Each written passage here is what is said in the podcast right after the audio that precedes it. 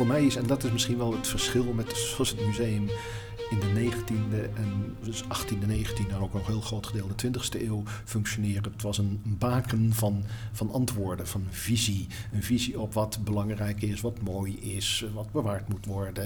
Het was normerend. Maar ik denk dat musea nu in deze samenleving ook een belangrijke rol hebben in het stellen van vragen. En dat kan kritisch zijn, in die zin activistisch, maar niet activistisch vanuit het opleggen van normen en het geven van definitieve antwoorden. Dat uh, is in ieder geval niet waar ik voor sta en naar mijn stellige overtuiging ook niet de rol van musea uh, moet zijn. De rol zoals ik die zie, is de rol van de twijfel, de vraag, het zoeken. Deze week sprak ik met Manfred Selling, directeur van het Museum voor Schone Kunsten in Gent. Het is een prachtig gesprek geworden dat ik zelf inmiddels drie keer heb beluisterd, omdat ik er telkens nieuwe ideeën in hoorde die me eerder ontgingen. Manfred Selling is een grote kenner van de kunst en cultuur van de 16e eeuw, de tijd van Erasmus, Montaigne, Thomas More en natuurlijk Pieter Breugel. Een tijd die Manfred beschrijft als een zoektocht naar wat het betekent om mens te zijn en wat die mens doet met het leven. Manfred vertelt ook openhartig over zijn tijd in het Boymans en in de musea in Brugge, Antwerpen en nu Gent. Over persoonlijke voorspoed en tegenslagen. Hij vertelt over zijn passie voor kunst, musea en waarom hij in zijn zoektocht naar kennis niet alleen bij de 16e eeuw uitkwam, maar ook bij de tijd van de Griekse oudheid. Want daar liggen de echte wortels van het hedendaagse museum. Iedere plaats van enige betekenis had in die tijd een museion, een tempel waar de muzen werden vereerd, maar ook de plek waar de kennis werd bewaard, gedeeld en besproken. Het museion was de plek waar Plato en Aristoteles met hun leerlingen samenkwamen om te filosoferen en te debatteren. Uit die traditie komt ons moderne museum voort. Manfred ziet het museum dus niet alleen als een plek voor het vertellen van verhalen, maar vooral als een plek voor het gesprek en voor het stellen van vragen en dat is wat ik de oprechtheid, de echtheid en vooral de waarachtigheid van het museum ben gaan noemen. Mijn boek daarover, Echt, het waarachtige museum, verschijnt op 5 oktober. Maar nu eerst Manfred Sellink over het belang van twijfel, vragen stellen en het waarachtige gesprek. Goedemorgen Manfred. Arnoud, welkom hier in Gent. Dank je. In mijn vorige podcast sprak ik met Andreas Bloem, de directeur van het Groningen Museum. En Andreas beschrijft zichzelf als een generalist. Zo zou ik jou niet beschrijven. Ik zie jou als een kunsthistoricus, museumdirecteur met een levenslange fascinatie voor de noordelijke renaissance en dan vooral de 16e eeuw. Je schreef een masterscriptie over een van de mooiste werken in de collectie van Museum Boymans van Beuningen, het scholiertje van Jan van Skorel. Je bent gepromoveerd op een onderzoek naar de printuitgever Philip Gall uit Antwerpen en Haarlem. Je bent een van de grootste kenners van het werk van Pieter Breugel, allemaal 16e eeuw. Wat fascineert jou zo aan die 16e eeuw, de noordelijke renaissance? Het is een ongelooflijk interessant tijdsgewicht. Uh, een heleboel uh, aspecten. Um, als je alleen naar de historische kant kijkt, de omwentelingen die gebeuren in de 16e eeuw, uh, die hebben geleid tot de noordelijke en de zuidelijke Nederlanden. De, de, uh, de, het schisma van het Calvinisme, de, uh, de opstand, dat is de politieke aspecten. Maar dat is niet mijn uh, primaire reden waarom ik zo gefascineerd ben door de 16e eeuw. Um, de belangrijkste reden is eigenlijk het, het, het humanisme. Het, ja, dat noemen ze het christelijk humanisme, het humanisme van de 16e eeuw, de, de eeuw van, uh, van Montaigne en de eeuw van, uh, van Erasmus en Thomas More. Uh, ik ben daar al in mijn schooltijd mee in aanraking gekomen, over gelezen. Ja, op een manier zoals een geïnteresseerde scholier dat doet, niet diepgaand. Maar ik was gefascineerd door die eeuw van, van twijfel, van zoeken. Geen, geen definitief antwoorden, maar een zoektocht naar ja, wie is een, een mens? Wat betekent die? Hoe staat die, die in de wereld? Uh, wat zijn je normen en waarden? Uh, en daar ben ik steeds meer door gefascineerd geraakt. Het is voor een deel toeval door een stage in het uh, Rijksprentenkabinet dat ik dan met de Noord-Nederlandse en Zuid-Nederlandse kunst uit die periode gefascineerd ben geraakt. Maar de, de klik was er. De klik was er met die 16e eeuw. Ik heb heel veel van, van Erasmus gelezen. Ik, Montaigne is een van mijn lievelingsschrijvers. en het is en blijft die twijfel, het zoeken, het vragen, niet het poneren van definitieve antwoorden. Is dat ook een groot verschil tussen de noordelijke en de zuidelijke renaissance? De aard van het humanisme, de aard van de twijfel? absoluut, absoluut. Ehm, natuurlijk is de, de, de Italiaanse renaissance ook een zoektocht, een zoektocht naar kennis. Maar dat is meer een zuiver, als ik het even gechargeerd zeg, meer een zuiver academische, wetenschappelijke, heel streng filosofisch zoeken. Terwijl het hier in het noorden een ja, het heeft veel met normen en waarden te maken. De plek van mensen op aarde. Een hele typerende humanist uit het noorden, maar ook kunstenaar is Kornhert. Die draait om, bij hem om de mens, om zijn geweten. Het draait bij hem op de plek die iemand heeft op aarde. En ook wat hij uh, op aarde doet. Het is een eeuw, ik ben zelf helemaal niet gelovig, maar het is een eeuw waarin uh, steeds meer een, kanteling komt naar ook, ook een religieus opzicht. Wat een mens doet tijdens zijn leven, wat hij doet met zijn leven. En, en, veel minder gericht op het leven na de dood. En het is die twijfel, die zoektocht, uh, die, die vragen die gesteld worden, uh, die mij fascineren en die ik ook in de kunst van die periode tegenkom. En het is niet voor niks. Hoe zie je dat in de kunst? Oh, je ziet het bijvoorbeeld bij, bij Pieter Breugel, uh, om dan toch om dan kunstenaar terecht te komen waar ik inderdaad 30 jaar mee bezig ben geweest. Absoluut geen antwoorden, geen, geen moralist, maar iemand die ja, de, de zwaktes en de sterktes uh, van, van de mens in kaart brengt, in beeld brengt, op een ironische manier, maar ook op een manier dat het aan de toeschouwer is. Degene die naar de schilderijen kijkt of naar de prenten, naar ontwerp van Breugel kijkt, om, ja, om na te denken over uh, wat is er afgebeeld en hoe zou ik zelf. En het is ook de eeuw, het convivium. Dus het convivium uh, is, het, Erasmus schrijft er al over, het, het, het samenspraak. Uh, vaak ook, en dat mag ook wel met een, met een drankje en een hapje. Dus je moet wel genieten in de twijfel. Je, je, mag wel genieten in de twijfel. En het maakt misschien ook de tongen wat, wat los. het convivium waar, waar Erasmus over schrijft in zijn tijd er was een plek waar mensen samen zat en, en over, ja, over zaken sprak die speelden in de maatschappij en de samenleving. Trouwens ook over kunst. Erasmus heeft die ook beschreven, niet met breugel, je kunt ze niet koppelen aan een kunstenaar, maar gesprekken van, van mensen die in een tuin zitten aan een tafel en uh, over kunst spraken of over landschap spraken. Dus dat, dat is voor mij tekenend voor de 16e eeuw. Uh, samen kijken, samen praten, het beleven en het bespreken van, uh, van ja, wat, wat, wat speelt in de samenleving, maar ook het bespreken van, uh, van, van kunst. En dat is heel interessant bij Breugel. Ik heb daar diverse lezingen over gegeven, over het convivium. Um, en als je naar een tentoonstelling met werken van Pieter Breugel uh, gaat, ook al zijn het er maar één of twee, in de meeste gevallen of dan de grote tentoonstelling die ik zelf heb mogen maken in Wenen. dat mensen heel lang op de tentoonstelling waren. En ook vaak met uh, een paar anderen, een partner, uh, misschien kinderen, vrienden, kijken en praten. Werken van Van Breugel en zijn tijdgenoten nodig uit om gezamenlijk te kijken, gezamenlijk te praten. Uh, en het is iets wat mij, uh, mij fascineert en waar ik me ook mede door die tentoonstelling en door het werk van Pieter Beugel bewust van word hoe, hoe belangrijk uh, die, die samenspraak is. Het, en hoe intellectueel en spiritueel ja, bevruchtend het kan zijn om samen naar werken te kijken. En dat is ook iets wat ik steeds meer bewust... Het gesprek in het museum. Het gesprek, dat is ook iets dat ik uh, mede door die tentoonstelling steeds bewuster als een uh, belangrijke beleidslijn, als een belangrijke uh, visie en uitgangspunt van mijn museale activiteiten ben gaan beschouwen. Het, het, het, een tentoonstelling, een museum als een, een plek voor gesprek. En, en dat is wat mij inspireert in de 16e eeuw. Het, het gesprek, het nadenken, de twijfel, uh, het zoeken.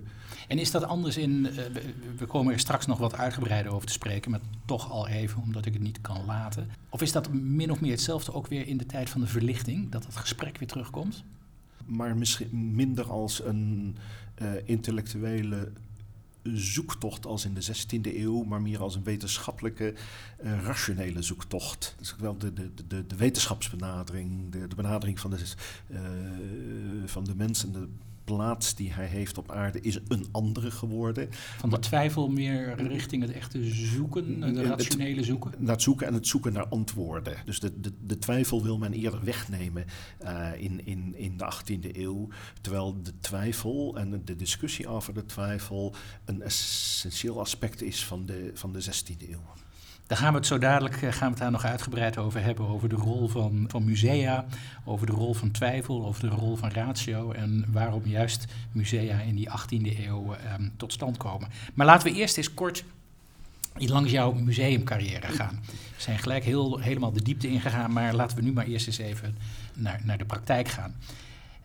Jouw carrière die begon, als ik het goed begrepen heb, in Museum Boymans van Beuningen in 1991. En daar was je hoofdconservator. Ja, nou eigenlijk begon die eerder. Ik had nog een studiedier van bijna zes jaar. Uh, in mijn vierde jaar was ik via mijn kunsthistorische mentor Peter Hecht uh, en Eddie de Jong uh, als stagiair terechtgekomen in het prentenkabinet van het Rijksmuseum. en daar ben ik als hele jonge een onervaren uh, kunsthistoricus in Spee ben ik ook uh, projectmedewerker. Terwijl ik studeerde was ik ook projectmedewerker voor de kunst, voor de Beeldenstorm tentoonstelling. De grote tentoonstelling waarin de 16e eeuw in 1986 uh, naar voren is gebracht. En dat was eigenlijk mijn onderdompeling in het maken van tentoonstelling of meemaken op een bescheiden rol. Maar ik, ik, heb daar ook mijn eerste entries geschreven voor de, de catalogus. En het echte handwerk. Het echte handwerk. Dus daar is het eigenlijk uh, begonnen. Maar iedereen dichtte mij toch een, een, een loopbaan aan de universiteit toe. Uh, zag je dat zelf in die tijd ook zo of zag je dat toen al anders? Ik, ik twijfelde. Ik was wel gegrepen door, door die stage en de vervolg uh, daarvan. het meewerken aan kunst voor de beeldzone. Dus ik ben zo'n anderhalf jaar daarbij betrokken geweest. Uh, dacht ik wel, dit is ontzettend leuk. Maar eigenlijk had ik toen nog niet de twijfel van, wil, of nog niet het idee van hier wil ik mijn toekomst uh, hebben. Maar ik was er wel gefascineerd door. Voor mijn uh, promotieonderzoek bezocht ik ook veel prentenkabinetten en veel musea. En ik raakte er steeds meer gefascineerd door. Uh, en het was opnieuw uh, Ilja Veldman en Peter Hecht. Dat zijn twee belangrijke mensen in mijn, mijn uh, kunsthistorische ontwikkeling. Die zeiden toen die advertentie daar kwam van Boymans... van jij moet solliciteren. Ik had dat is geen keuze. Dat is geen keuze, jij moet solliciteren.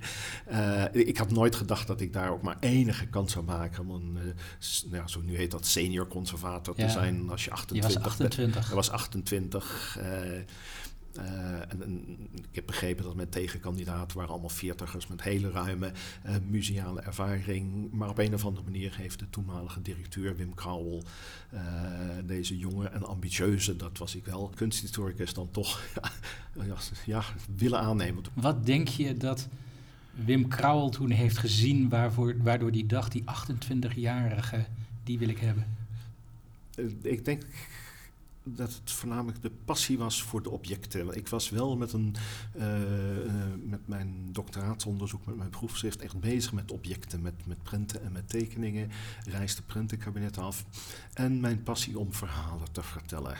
Uh, ik toen nog niet zo bewust was dat ik eigenlijk een soort verhalenverteller ben. maar ik denk die twee dingen, ik, de passie voor de objecten uh, natuurlijk een zekere mate van ambitie, dat had ik ook wel. Maar vooral de passie om met werken, met kunstwerken, met printen en tekeningen verhalen te vertellen. Ik denk dat dat uh, dat ik daar een vonk heb kunnen geven die, die opgepakt is, uh, waardoor ik de kans krijg om met die ongelooflijk mooie verzameling van, uh, van Boymans print en tekeningen, Boymans Museum van de topcollecties ter wereld. En het, het, het je hebt tien jaar gezeten? Tien jaar, ja. En heb je daar de verhalen kunnen vertellen die je wilde vertellen? Ja, uh, lang niet alle, want er zijn diverse maar verhalen. Ja, je had nog een paar jaar daarna in andere musea. Ja, ja, dus nee, ik heb daar allerlei verhalen kunnen vertellen. En het mooie van die collectie is dat die zo breed is dat je verhalen kunt vertellen. Ik heb tentoonstellingen gemaakt met, uh, met collega's van de universiteit over 19e eeuwse tekeningen. Um, ook, ook over Hollard, de Tsjechisch-Engelse, Franse uh, grafuur uit de, de, de, de 17e eeuw. Tjepelo, tekeningen eh, gedaan. Het, het, maar ook met Baseliet samengewerkt. Ik heb met een tentoonstelling over David Hockney, met David Hockney en over grafiek van David Hockney gemaakt. Je hebt toen niet gedacht van, oh, dit is zo lekker divers allemaal. Ja. Weet je, ik word toch een generalist. Nee, ik ben altijd iemand geweest die ook in de diepte wil gaan. En, uh, en, en voor een deel ook ten koste van mijn gezondheid, want ik leefde niet erg gezond en sliep weinig. Dus dat is misschien niet altijd aan te bevelen. Uh, maar ik wilde die diepte altijd wel in. In die zin kun je het ook zeggen, een twijfel misschien wel. Of van, van, van ja, ben je nu een wetenschapper of ben je een tentoonstellingsmaker? Ik heb altijd gehad, ik wil allebei zijn. Ik wil A, een goed wetenschapper zijn die in de diepte kan gaan. En ik wil ook een tentoonstellingsmaker uh, en een museumman. Is dat misschien een van de redenen dat je ook uiteindelijk in Vlaanderen terecht bent gekomen? Is het misschien dat je in Vlaanderen daar ook meer ruimte voor hebt dan dat je daar in de Nederlandse neoliberale museumwereld dat is, dat is een hele goede vraag. Uh, hele goede vraag. Ik heb daar op die manier niet over nagedacht, maar het klopt wel dat ik in de uh, late jaren negentig uh, mij ergerde aan het feit dat onderzoek steeds minder een deel werd van het. Uh, van het, ja, het, de kern van een museum. Uh, dat steeds vaker onderzoek werd gezien als iets dat uitbesteed moest worden aan, aan freelancers of aan, uh, in samenwerking met de universiteit moest worden. Terwijl ik ervan overtuigd ben, nog steeds, en toen ook, alleen toen vind nog veel minder bewust hoor, dat onderzoek rondom de collectie, vanuit de collectie, dat onderzoek een kern taak is voor elk uh, museum, van klein tot groot. En met, uh, dus uh, ja, ik ergerde me inderdaad in die tijd nogal aan, aan het feit dat, dat het onderzoek steeds minder belangrijk werd. En het klopt, alhoewel dat niet de reden was om naar Vlaanderen te gaan, maar het klopt inderdaad wel dat, dat, in, dat hier meer dat was niet de reden om naar Vlaanderen. Wat was nee. wel de reden om naar Vlaanderen te gaan? God, er waren, zoals dat dan in het management speak heet, uh, push- en pull-factoren. Dat we heel eerlijk zijn. Uh, er was in die zin een push-factor. Ik was uh, vanuit een aantal overtuigingen woordvoerder uh, binnen de staf. Van, van, van, van uh, in, in, in Boymans van, van ongenoegen rond uh, Chris Derkon. Iemand met heel veel kwaliteit, hoor, laat ik dat voorop zetten. Een hele bijzondere man. Maar misschien niet echt een, een museumdirecteur voor het type mu museum als Boymans op dat moment, laten we dat zo zeggen. Uh, en dat mondde dat uit in een soort publieke rel. In het, en die ook in het NRC en de Volkskrant. En opeens stond ik, uh, uh, althans mijn naam, op de voorpagina's of in de culturele bijlages als de opstand, uh, de Boymansrel. Dat heeft aan de ene kant heeft dat een heel positief effect gehad. Dat ik na ging denken van ja, als je ontevreden bent over een... Ja, je zat er tien jaar op dat ja, moment. Dat, en, en, en, ontevreden bent over een aantal ontwikkelingen. Wat wil je dan eigenlijk wel? Uh, want nou, je zult dat wellicht uh, herkennen. Conservatoren kunnen ongelooflijk zeuren zagen. En uh, zagen, hoe zeggen, het is een Vlaams woord. Hè? Ik zeg niks.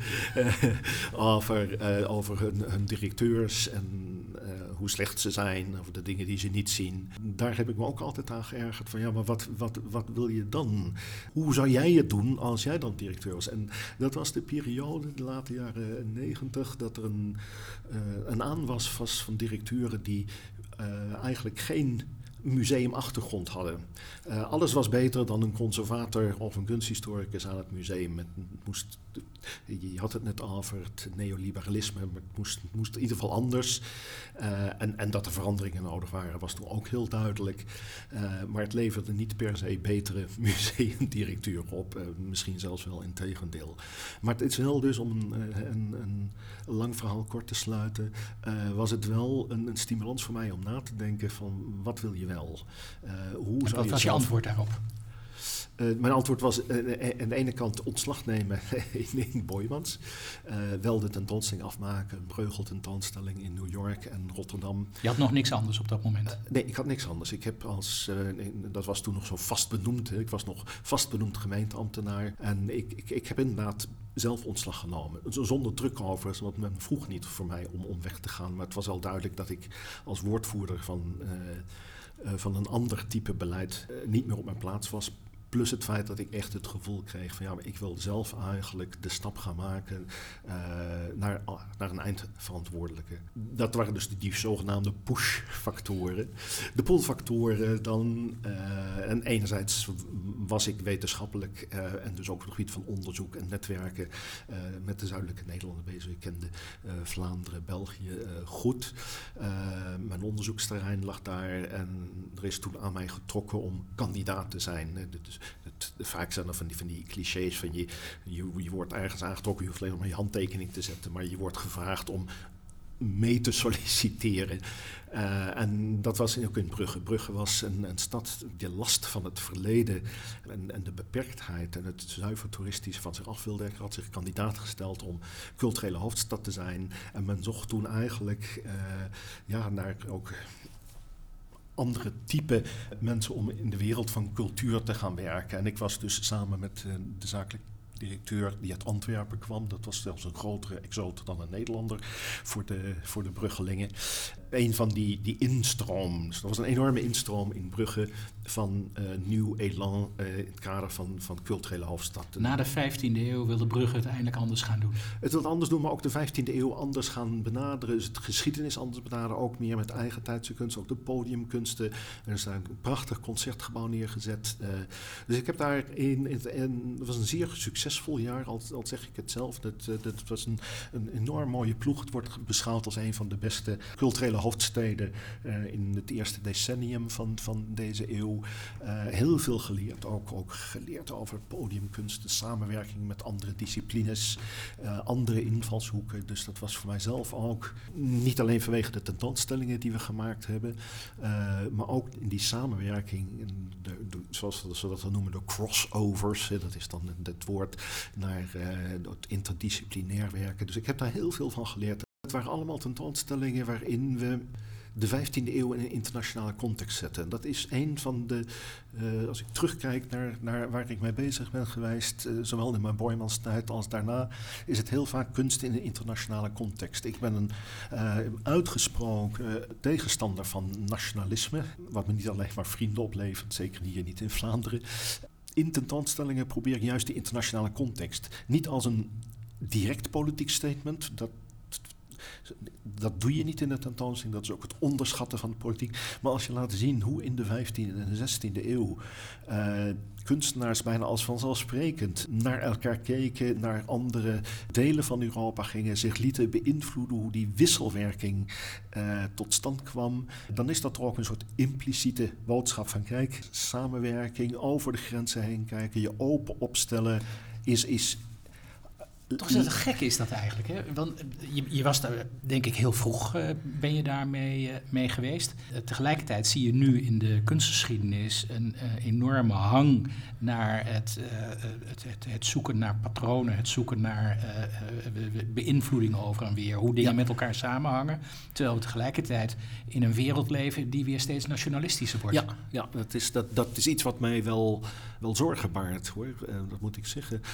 iets wat je ik, bijvoorbeeld, ik, ben nu 25 jaar, bijna 25 jaar weg uit Nederland, maar natuurlijk intensieve contact onderhouden ook in musea. Maar uh, als je Nederland hebt verlaten en, en je kijkt terug, uh, het enorme ja, het, inderdaad, het nationalisme dat, dat is opgestoken. En, en dat, Nederland is daar absoluut niet uh, alleen in.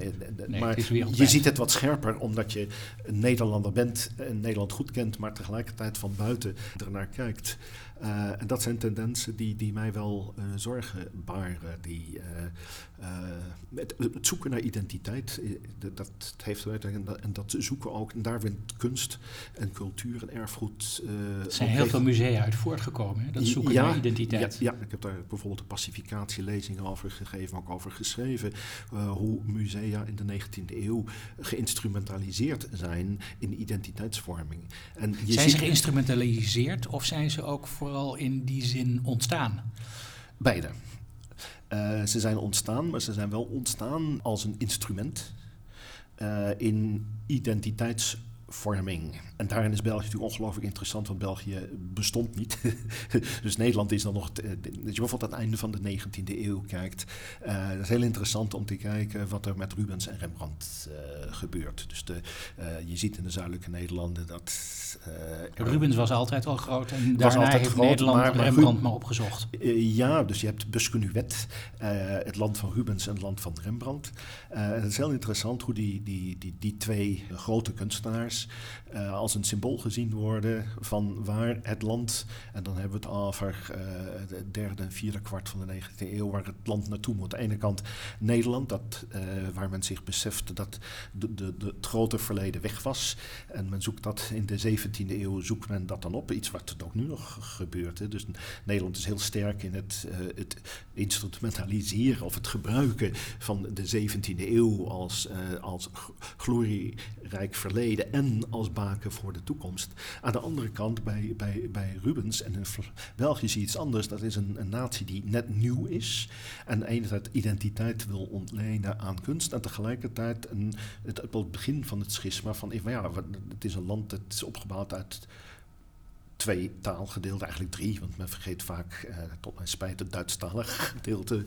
Dus daar probeert men ook uh, die identiteit te vormen en niet uh, niet te zeggen van de 17e eeuw, maar Rubens was groot, maar ook als, als, als iets van dit, dit bindt ons nog, of dit bindt ons uh, in België. En tegelijkertijd ook al meteen het gevoel van ja, maar eigenlijk is het niet België, is het Vlaanderen.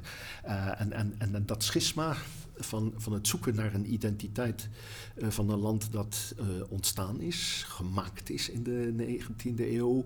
En tegelijkertijd een, een schisma wat er al in zit tussen delen van dat land. Dat, dat is heel fascinerend. En het is heel fascinerend om te zien wat voor rol uh, musea daarin spelen. Je bent uh, eh, 14 jaar ben je in Brugge ben je gebleven. Ja. En wat ik zo indrukwekkend aan jou vind, is dat je ook toen je museumdirecteur werd, gewoon bent blijven publiceren. Ja. Hoe doe je dat?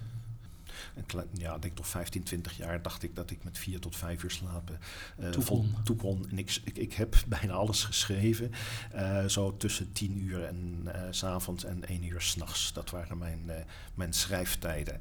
dus dat is niet iets wat ik aanbeveel. Ik heb een passie voor, voor, voor kunst en cultuur, met name dan ook, ook muziek. Dat is dan de andere kunstvorm die mij het meest dierbaar is. Um, en ja, ik wil die passie delen. Ik wil die passie met anderen delen. Die fascinatie wil ik delen, de waarde ervan delen. En de waarde bedoel ik niet economische waarde of de louter esthetische waarde, maar de betekenis die kunst en cultuur kunnen hebben. De rol die het kan spelen in, in je intellectuele uh, vorming. Uh, de rol die het kan spelen om, om, om vragen te stellen, om uh, dingen te benoemen of dingen juist te ontkrachten een ander perspectief te zien. Uh, dus ik, ik, ja, ik, ben, ik, ik, ik ben erachter gekomen dat ik echt een verhaler... Twee dingen, ik ben een verhalenverteller en ik heb een passie voor geschiedenis en... Uh, en cultuur, laat ik het zo zeggen. Maar je hebt vast geen passie um, om uh, de politiek te overtuigen. Je hebt vast nee. geen passie nee. om de hele dag in spreadsheets uh, nee. te zitten. Nee, en, dat, dat hoort, dat maar hoort, dat hoort er wel bij. Dat hoort er absoluut bij. had je misschien toch beter conservator kunnen worden? Nee. Ik ben conservator geweest. En voor een deel ben ik nog conservator. Uh, maar als je een eindverantwoordelijkheid hebt, of, je nu, of dat nu een directeur heet, of hoe je het ook wilt noemen, uh, kun je een aantal lijnen uitzetten, een aantal grote lijnen uitzetten uh, voor een, een, een, museum of een andere type culturele instelling, uh, die je vaak niet kunt als uh, conservator of als je in de podiumkunst zit, programmator. Dan kun je het meehelpen uitzetten. je kunt dat op een heel, heel mooi doen, je kunt hele mooie accenten leggen. maar wat mij fascineerde, en ik denk dat daarin de, de zogeheten Boymanscrisis, waar we het al over hadden, een, een rol heeft gespeeld. Van ja, maar waar wil je op langere duur? Uh, waar, waar, wil je over 6, 7, 8, 9 jaar? Wat, wat is de betekenis? Eigenlijk is het nog fundamenteler, wat is de betekenis van een museum? En, uh, en, en het, als je over dat soort zaken nadenkt en, en daar een duw wil geven, dan, uh, moet, je directeur zijn. dan moet je directeur zijn. Ja, ja. ja, We gaan het zo dadelijk gaan we het nog hebben over de de, de, richting van musea in zijn algemeenheid en de ontwikkeling die ze nu denk ik ook weer aan het doormaken zijn. Maar ik wil toch eerst nog even naar Antwerpen. Naar, naar het Koninklijk Museum voor Schone Kunst in Antwerpen. Want 14 jaar Brugge.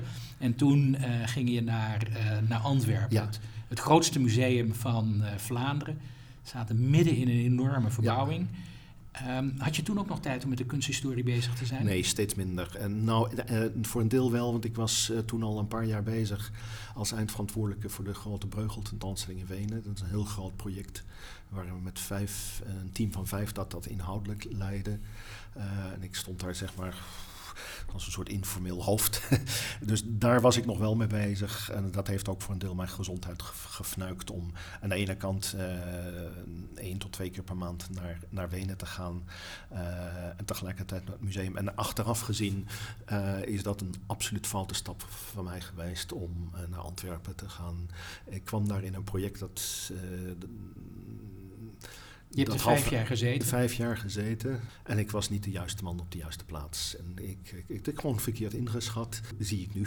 Maar wat heb je verkeerd ingeschat? Wat ik verkeerd heb ingeschat, wat het is om in een project te zetten wat je niet inhoudelijk hebt kunnen bepalen. Dus ik kwam naar een, een nieuwbouw waar het architectonisch uh, helemaal uh, vast lag. En daar zitten een aantal dingen in waar ik niet uh, achter stond. Kun je daar iets over zeggen? Um, nou, als je nu naar het museum gaat, uh, en iedereen moet zich daar uh, een eigen mening over vormen, maar dan zal je opvallen dat je aan de ene kant een schitterend gedane restauratie van een monumentaal uh, laat 19e eeuws museum is gaat. Dat is perfect gedaan, ik kan niet anders zeggen, dat is heel goed gedaan. de architectuur, de nieuwe architectuur, ja, daar kun je over van mening verschillen. Ik vind dat architectonisch overigens heel sterk. Uh, maar Wat vind je sterk aan? Sterk, maar dan heb ik het oh, zuiver architectonisch. Oh, dan denk ik aan de zichtlijn. De esthetische. Ja, zeg maar de esthetische, maar ook met name de zichtlijn. Dus Dicky Scipio is wel een architect uh, die, die heel mooi met zichtlijnen kan werken. Uh, maar voor een museum en voor dat museum met die collectie uh, vind ik dat daar dat niet de, de, de. Wat ontbreekt eraan? Het is eigenlijk een, een type gebouw, daar heb ik het over het nieuwe, dat geschikt is voor 20e, 21e eeuwse kunst op groot formaat. Waarbij je dingen van afstand werken met een ander type zichtlijnen in je museum kunt werken. Hele grote uh, ruimtes, ook hele hoge ruimtes. Uh, terwijl de collectie 20e eeuwse kunst uh, van het KMSK eerder kleinere formaten zijn. En ook de, de keuze om dat helemaal, uh, zeg maar, de White Cube reinvented. Dus om dat, dat blinkend wit te maken. Ik heb met hele lange discussies gehad met de architect. Ik heb niks tegen de White Cube. Dat heeft in het verleden een aantal hele mooie musea opgeleverd. Maar uh, hier de White Cube revisited en dan met die glanzende verf. Uh, nee, dat is, vind ik niet passen. Ook de glanzende witte vloeren niet passen bij deze collectie. Je hebt er uh, vijf jaar gezeten. Kun je er iets over zeggen wat je heeft doen besluiten om daar te vertrekken? Ja, ook, ook politieke conflicten. Wat ik ook onderschat heb, is hoezeer het museum daar midden in een politiek web zit. Zowel het is een, het museum dat onder Vlaanderen valt, maar ook heel veel met de stad te maken heeft. De directeur daar uh, moet iemand zijn die, die zich ja, die echt ook een politiek dier is, politieke netwerker is. Maar in een museum moet je nou toch juist proberen ook enige afstand uit de politiek te blijven houden. Want dat is toch de rol van de kunst. Ja, maar ik heb mij dus uh, vergist in het feit dat, uh, dat de band, banden daar veel nauwer zijn dan ik met, met Brugge gewend was. Dat, daar had ik wel met de politiek te maken, maar was er een gezonde komt afstand. Komt dat dan toch door de schaal of komt dat door... Mm, dat is een bepaalde politieke cultuur. Ik, ik heb ook gezien dat waar in het begin van deze eeuw uh, een, een, een, tendens was om politiek en culturele instellingen wat dus een grotere afstand te creëren, meer vrijheid en autonomie te geven, uh, naar een tendens, zeker de afgelopen vijf, zes jaar, waarin uh, ja, de politiek ook bezig is met de inhoud of probeert greep te krijgen op de inhoud van culturele instellingen in het algemeen. En heel, heel fijn is om te merken dat dat hier in Gent absoluut niet het geval is. Maar dat, dat was anders. En zie, je dat, zie je dat bij andere musea ook? Uh, in andere landen, misschien in Duitsland, in, in Frankrijk. Dat overheden, dat de politiek weer greep probeert te krijgen op de, op de inhoud. En, en als dat zo is, waaraan zie je dat? Als eerste uh, zie je dat in de keuze van de directeurs en in de samenstelling van. Daar kijken mensen eigenlijk nooit naar de samenstelling van de raden van bestuur of de raden van toezicht. Dus Nederland heeft een ander bestuursmodel dan, uh, dan in België. Uh, dus Nederland, ik heb daar ook bestuursfuncties, is de raad van toezicht. Waarbij uh, ook ja, wettelijk gezien er een, een, een, afstand is tussen het bestuur en de verantwoordelijkheid van de directie.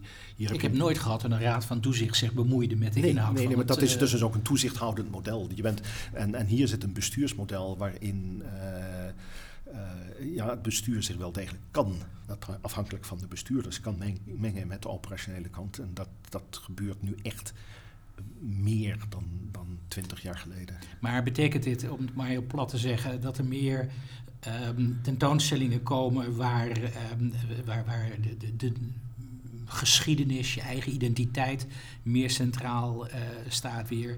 Stel dat het in Nederland zou zijn, een tentoonstelling waar de Gouden Eeuw weer centraal ja. uh, mag staan. Wat we in Nederland op dit moment uh, nauwelijks meer zo noemen. Maar... Nee, maar daar, daar zie je natuurlijk wel het omgekeerde. Dat, dat, laten we eerlijk zijn, je kunt niet alles naar het bestuur of naar de politiek wijzen. vaak spelen directies ook in op wat men denkt of dat de politiek of een bestuur of het publiek verwacht. Dus die andere visie in Nederland wordt er echt van musea verwacht. En overigens ook terecht dat men de, de Gouden Eeuw ook in een, uh, in een ander licht be, beschouwt. Dus men besteedt wel Maar degelijk... wat wordt er precies verwacht van museum? Ja, dat is natuurlijk met het idee... en dan kom je bij de Me Too en Black Lives Matters en de diversiteit en inclusie. je, je kunt op dit moment, of dat nu in Nederland is, Nederlands het uitgesproken hoor, dan in veel andere landen, uh, echt geen tentoonstelling meer maken over de glorie van de Gouden Eeuw, zonder dat je de keerzijde uh, laat zien. Dat, de, dat wordt niet meer geaccepteerd, maar is ook bijna, als je niet uitkijkt, kan dat ook een soort dogma gaan worden, dat je het alleen maar zo kunt benaderen. Um, maar om, om toch even terug te keren, er, er is er is altijd wel een, een, een, een, band tussen de politiek en hoe de politiek naar zaken kijkt en wat musea doen. En dat is niet altijd een kwestie van druk of een politiek, politici of ze in een bestuur zitten of wat ook, maar het musea richten zich ook naar, als een soort antenne, naar de, ja, wat leeft uh, in, de, in de politiek. En dat is op zichzelf aan de ene kant goed, maar het kan ook heel beperkend zijn en kan ook uh, sturend uh, zijn. Meest maar hier in Gent gaat dat hier gezonder Gent, ja, dan ja, in Antwerpen? Ik, ik, ik vind dat wel, ja. Ja, ja. En, want je bent 2,5 jaar geleden ben je hier begonnen in ja, Gent. Wat trof je hier aan?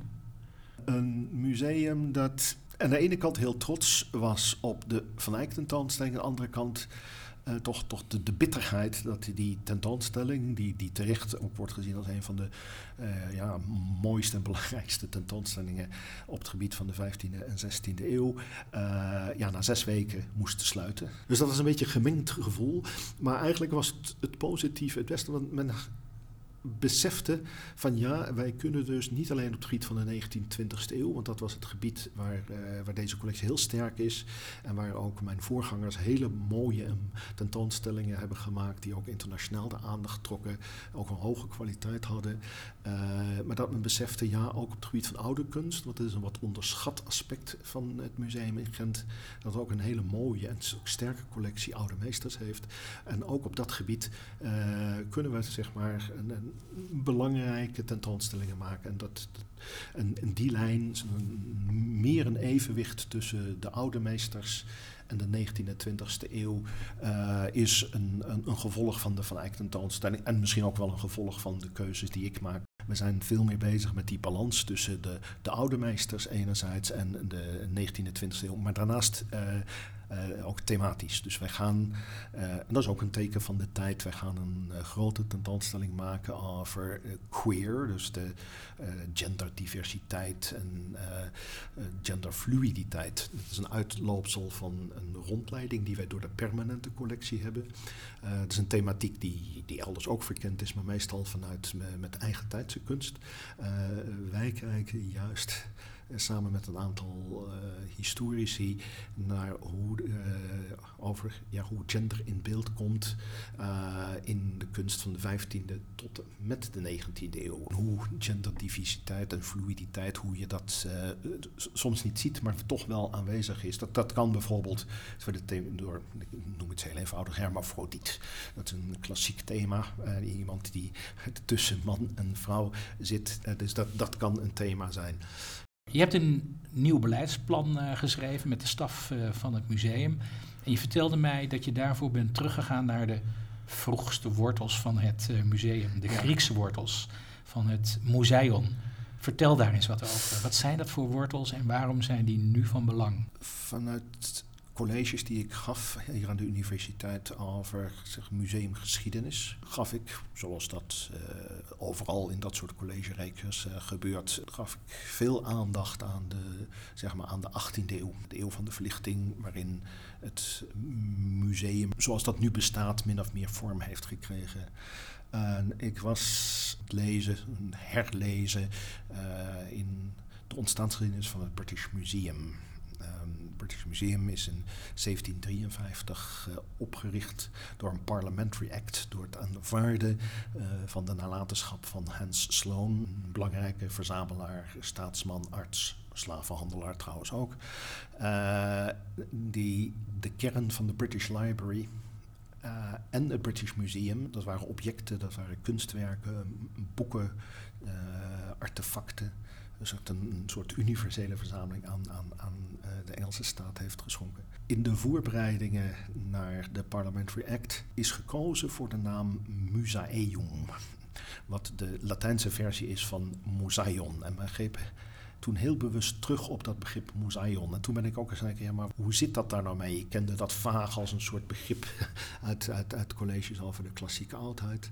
Uh, en dan kom je terecht bij een van de, de mooiste, innovatieve ja, uitvindingen kun niet noemen, maar toch ontwikkelingen van de vijfde en vierde eeuw. Uh, bij het Musaion, zoals dat ontstaat, en elke stad had een Musaion. Wat was het Musaion? Dat was aan de ene kant de tempel van de muzen. En de muzen zijn niet alleen de godinnen van van de kunsten. Maar als je kijkt naar het concept van, van kunsten in de oudheid, gaat het ook over wetenschap, filosofie, retorica. dus aan de ene kant de tempel van de muze, maar wat hoorde er ook bij? De, bibliotheek.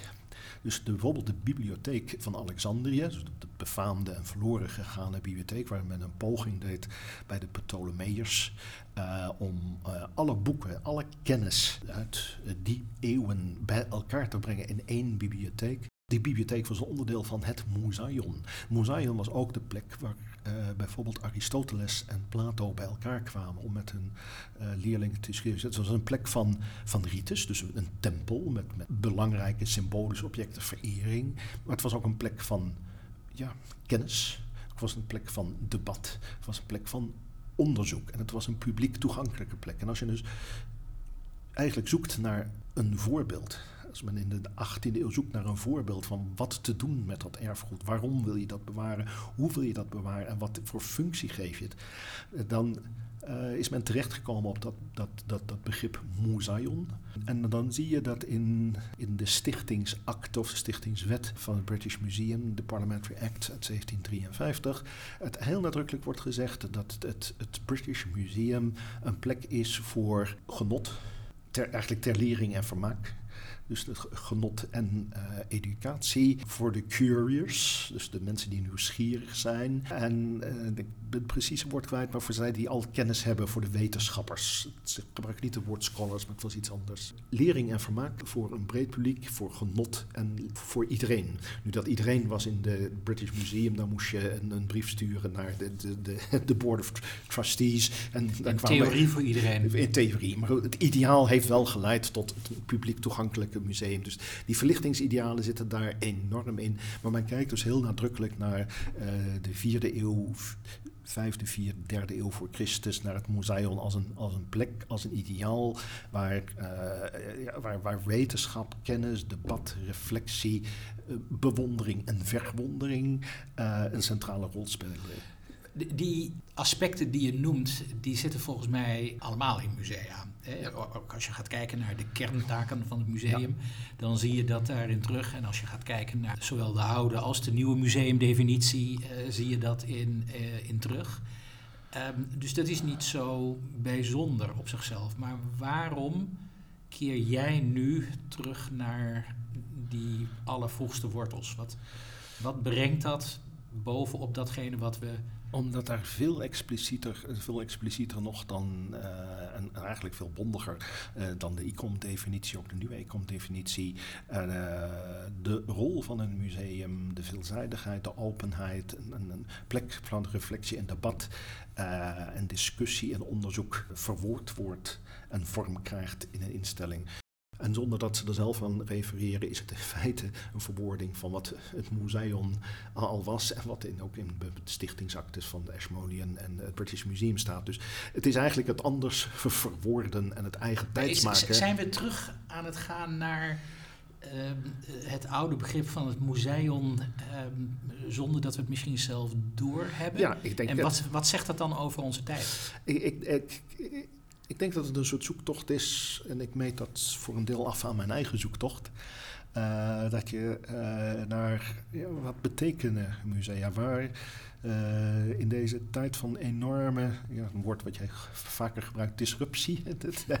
ik heb het gebruikt, ja. ja verstoring mag ook. Verstoring, daar, daar, heb je ook al over geschreven. Maar in deze tijd waarin disruptie, verandering, maatschappelijke verandering en vooral onzekerheid. Je hoeft de, de kranten, het zal in Nederland niet anders zijn dan, dan uh, in, in, Vlaanderen. Enorme onzekerheid, discussies, debatten over ja, waar, waar gaat deze maatschappij naartoe? Wat is ons toekomst? Waar, waar zijn zekerheden? Zijn er zekerheden? Wat zijn die zekerheden? Waar... De twijfel wordt nu van buiten op ons uh, neergelegd. Ja, ja, ja, die twijfel. En, en, en, dat gebeurt dus inderdaad terecht, zoals je zegt, vaak onbewust. Het concept van het museum uh, zo interessant is, om, omdat dat eigenlijk een plek van twijfel en debat en zoeken is. Eerder dan een plek waar je alle antwoorden hebt, uh, maar een plek die je kan helpen om de vragen te formuleren, uh, de vragen waar de maatschappij mee worstelt, de vragen waar individuen mee worstelen. het museum kan een plek zijn om ja, die, die, die, die vragen, die twijfel zichtbaar te maken, uh, te stimuleren door, door kunstwerken, door uh, een terugblik op, op, op, op erfgoed, door erfgoed een context te geven. kun je helpen vragen stellen en, en kun je helpen om die, die zoektocht. Je hebt het over een zoektocht. Ja. Je hebt het over een twijfel. Ja tegelijkertijd zie je ook dat steeds meer musea zich heel nadrukkelijk uitspreken. Er zijn zelfs musea bij die ik activistisch zou noemen. Ja.